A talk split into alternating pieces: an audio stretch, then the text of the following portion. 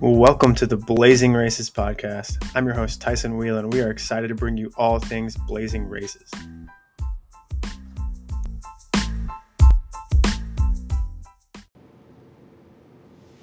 All right, on this episode, we're going to be talking to Jess from Runablaze, Iowa. We are very excited to have our first female guest on the podcast after having a slew of guys on here. Welcome, Jess. Hey, thanks for having me. So, obviously, you've done the, the Blazing 5K uh, two years, and so you've got a chance to experience what it's all about, and you've been kind of on a rampage here, knocking down some fast times. How has uh, training been going for you?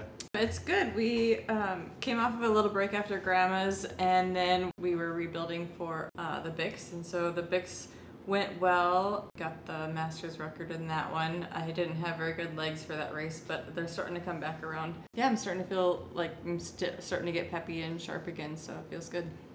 Can't complain when you uh, fast race off of not so uh, great legs. Yeah. What do you think? Uh, what do you think about the Masters records? What do you? Uh, are you aiming to knock down some more here? Oh yeah, the uh, hopefully the 5K goes down at the Blazing 5K. It's I mean you can't ask for a better course to do it in, so that's Awesome. hopefully the next one. Okay. Any other ones on the radar?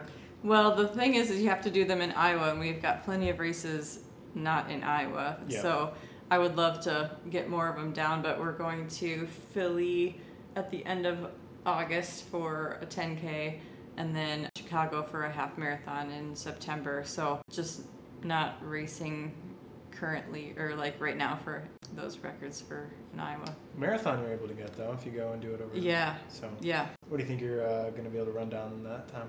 The marathon. Yeah. We'll see. I don't know. We dropped a ton of time from my previous PR was Chicago 2019 where I had a 257 high and then at Grandma's ran a 249.06. So I took I don't know how much that is uh, A like lot. 8 8 minutes or 9 minutes or something like that. So Yeah. I'd be okay with another 9 minute jump, but I don't know if that's Wouldn't we all? we'll see. yeah. Yeah. Let's just keep those coming. Well, that's great. So you kind of talked about what you got on the schedule, but let's uh, let's talk about previous races you've had recently. You obviously talked about Bix. That was a great one, getting the Masters record. Is there anything else recently that would kind of indicate you would be in shape to maybe take the Masters record at the Blazing 5K? Are there races that have just been like, man, I've just been, I'm in, I'm in shape. I'm ready to go. It's always hard to say after coming off of a break. You know, I had a really good like winter slash spring where I ran a PR in every distance. I ran a 5K, 10K, half, and marathon PR. And so, um, I mean, I've had a good like trend, I guess, in that direction, PRing and everything. The 5K um, in February was that in February in Atlanta. Um, the 5K Masters Championships there is where I ran 1811, and it was a hilly course, and so hopefully just the fact that it's a flat course and months later of more you know like consistent structured training, hopefully the record will take care of itself. So yeah, absolutely. That's, I've heard it's pretty notoriously hill over that way. Yeah, Atlanta's We're about as flat as you can get. Plus, uh, weather should be uh, pretty good for us as well. Coming in October, it's usually pretty cool, and you guys will be the second race out there, so you're at 9 a.m., get a little bit of sleep, but also get that great weather, so yeah.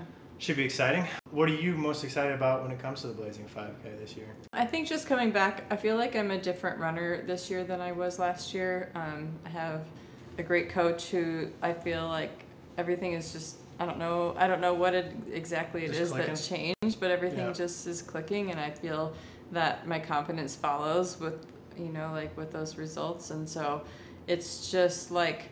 I remember before the Blazing 10K when I was looking at like all the PRs of the Mhm. girls coming in and just feeling like I don't belong. And then I was the third runner on our team, and I remember like warming up with some of our our Runablaze girls and just like the I don't know, just the atmosphere and the vibe with them, and just like the co- camaraderie with Oh, the team yeah. was just amazing. And and I, so I think like just all these experiences adding Mm-hmm. on like on top of each other um, i think just makes me just excited to race and i don't feel that intimidation as much as i Yeah. had before so Well, you've been racing fast too. I mean, it, that confidence builds on confidence. yeah yeah Um, and obviously, we'll have uh, some Run a athletes there as well, so keep that trend going.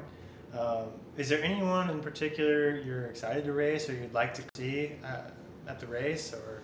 Um, I just love having our Run a team together, and Okay. like you know, it takes like it just takes me back to college time when you can warm up and cool down as a team, and any team type event is really fun, just because you don't typically do that as a as an adult. So come on, Runablaze girls, let's go. Easy enough.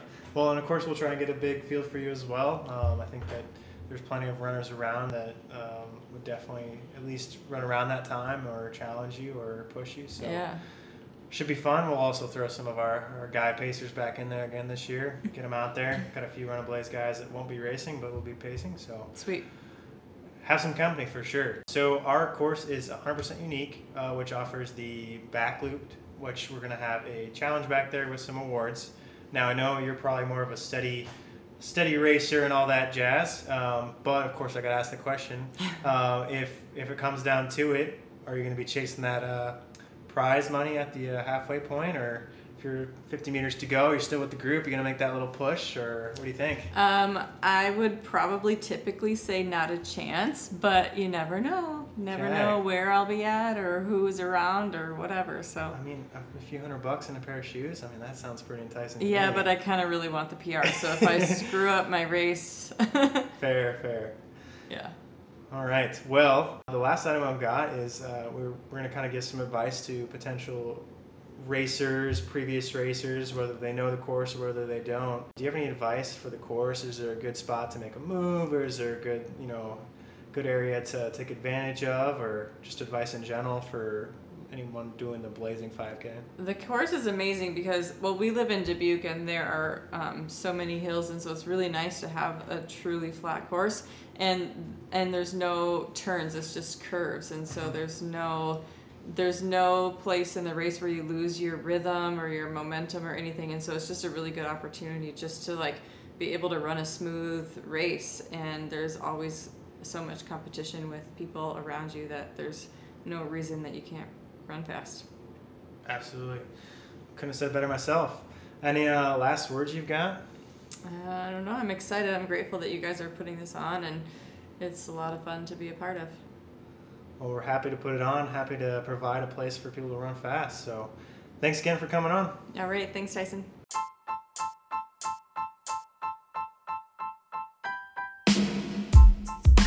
Now, if you like this episode, go ahead and subscribe, share with your friends, and we'll see you out there.